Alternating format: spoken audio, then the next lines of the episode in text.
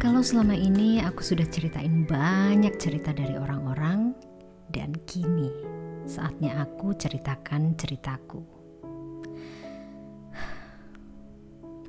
Rasanya seperti baru kemarin. Aku berpamitan dengan kakakku untuk boarding dan kembali ke Indonesia. Tentunya setelah menanyakan kabar ibuku yang sedang sakit waktu itu. Dalam perjalanan yang biasanya aku tertidur nyenyak, kali ini aku merasakan gelisah.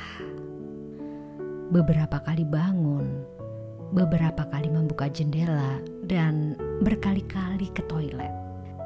Entah kenapa, aku juga tidak mau menyalakan wifi di dalam pesawat untuk sekedar melihat Instagram atau hiburan lainnya. Bahkan telepon genggam benar-benar aku matikan. Sesampainya di Hong Kong, ku nyalakan telepon genggamku dan seketika dadaku sesak. Darahku seakan tidak bisa mengalir dan tubuhku terasa dingin.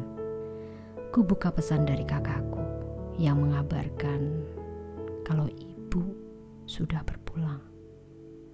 Dan keputusan keluarga besar akan dikuburkan siang itu juga.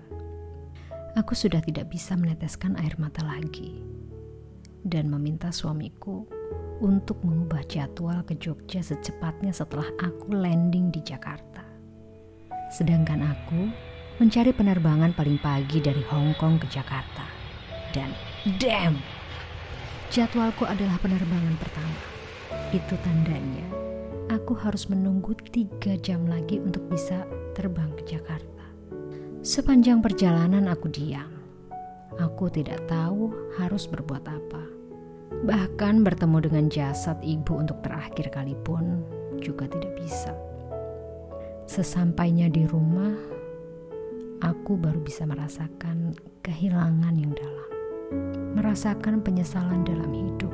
Kenapa aku harus pergi waktu itu? Kenapa aku gak pulang cepat aja? Dan kenapa harus ini, harus itu? Selalu ada pertanyaan kenapa dalam benakku.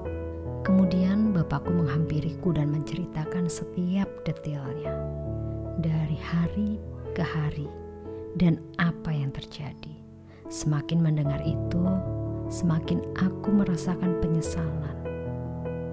Meskipun ikhlas mudah diucapkan, tapi susah untuk diterapkan dari dalam hati. Sampai hampir setahun lebih Hatiku selalu sesak dan mataku selalu basah kalau mengingat ibu. Kenanganku terakhir bersama ibu adalah ketika dia meminta diantarkan ke warung, tepat satu hari sebelum hari ulang tahunku. Penyesalan memang perlu, tapi hidup harus tetap berjalan. Dengan begitu, kita bisa merasa ikhlas atas kehilangan. Selamat Hari Ibu. Aku merasakan rindu.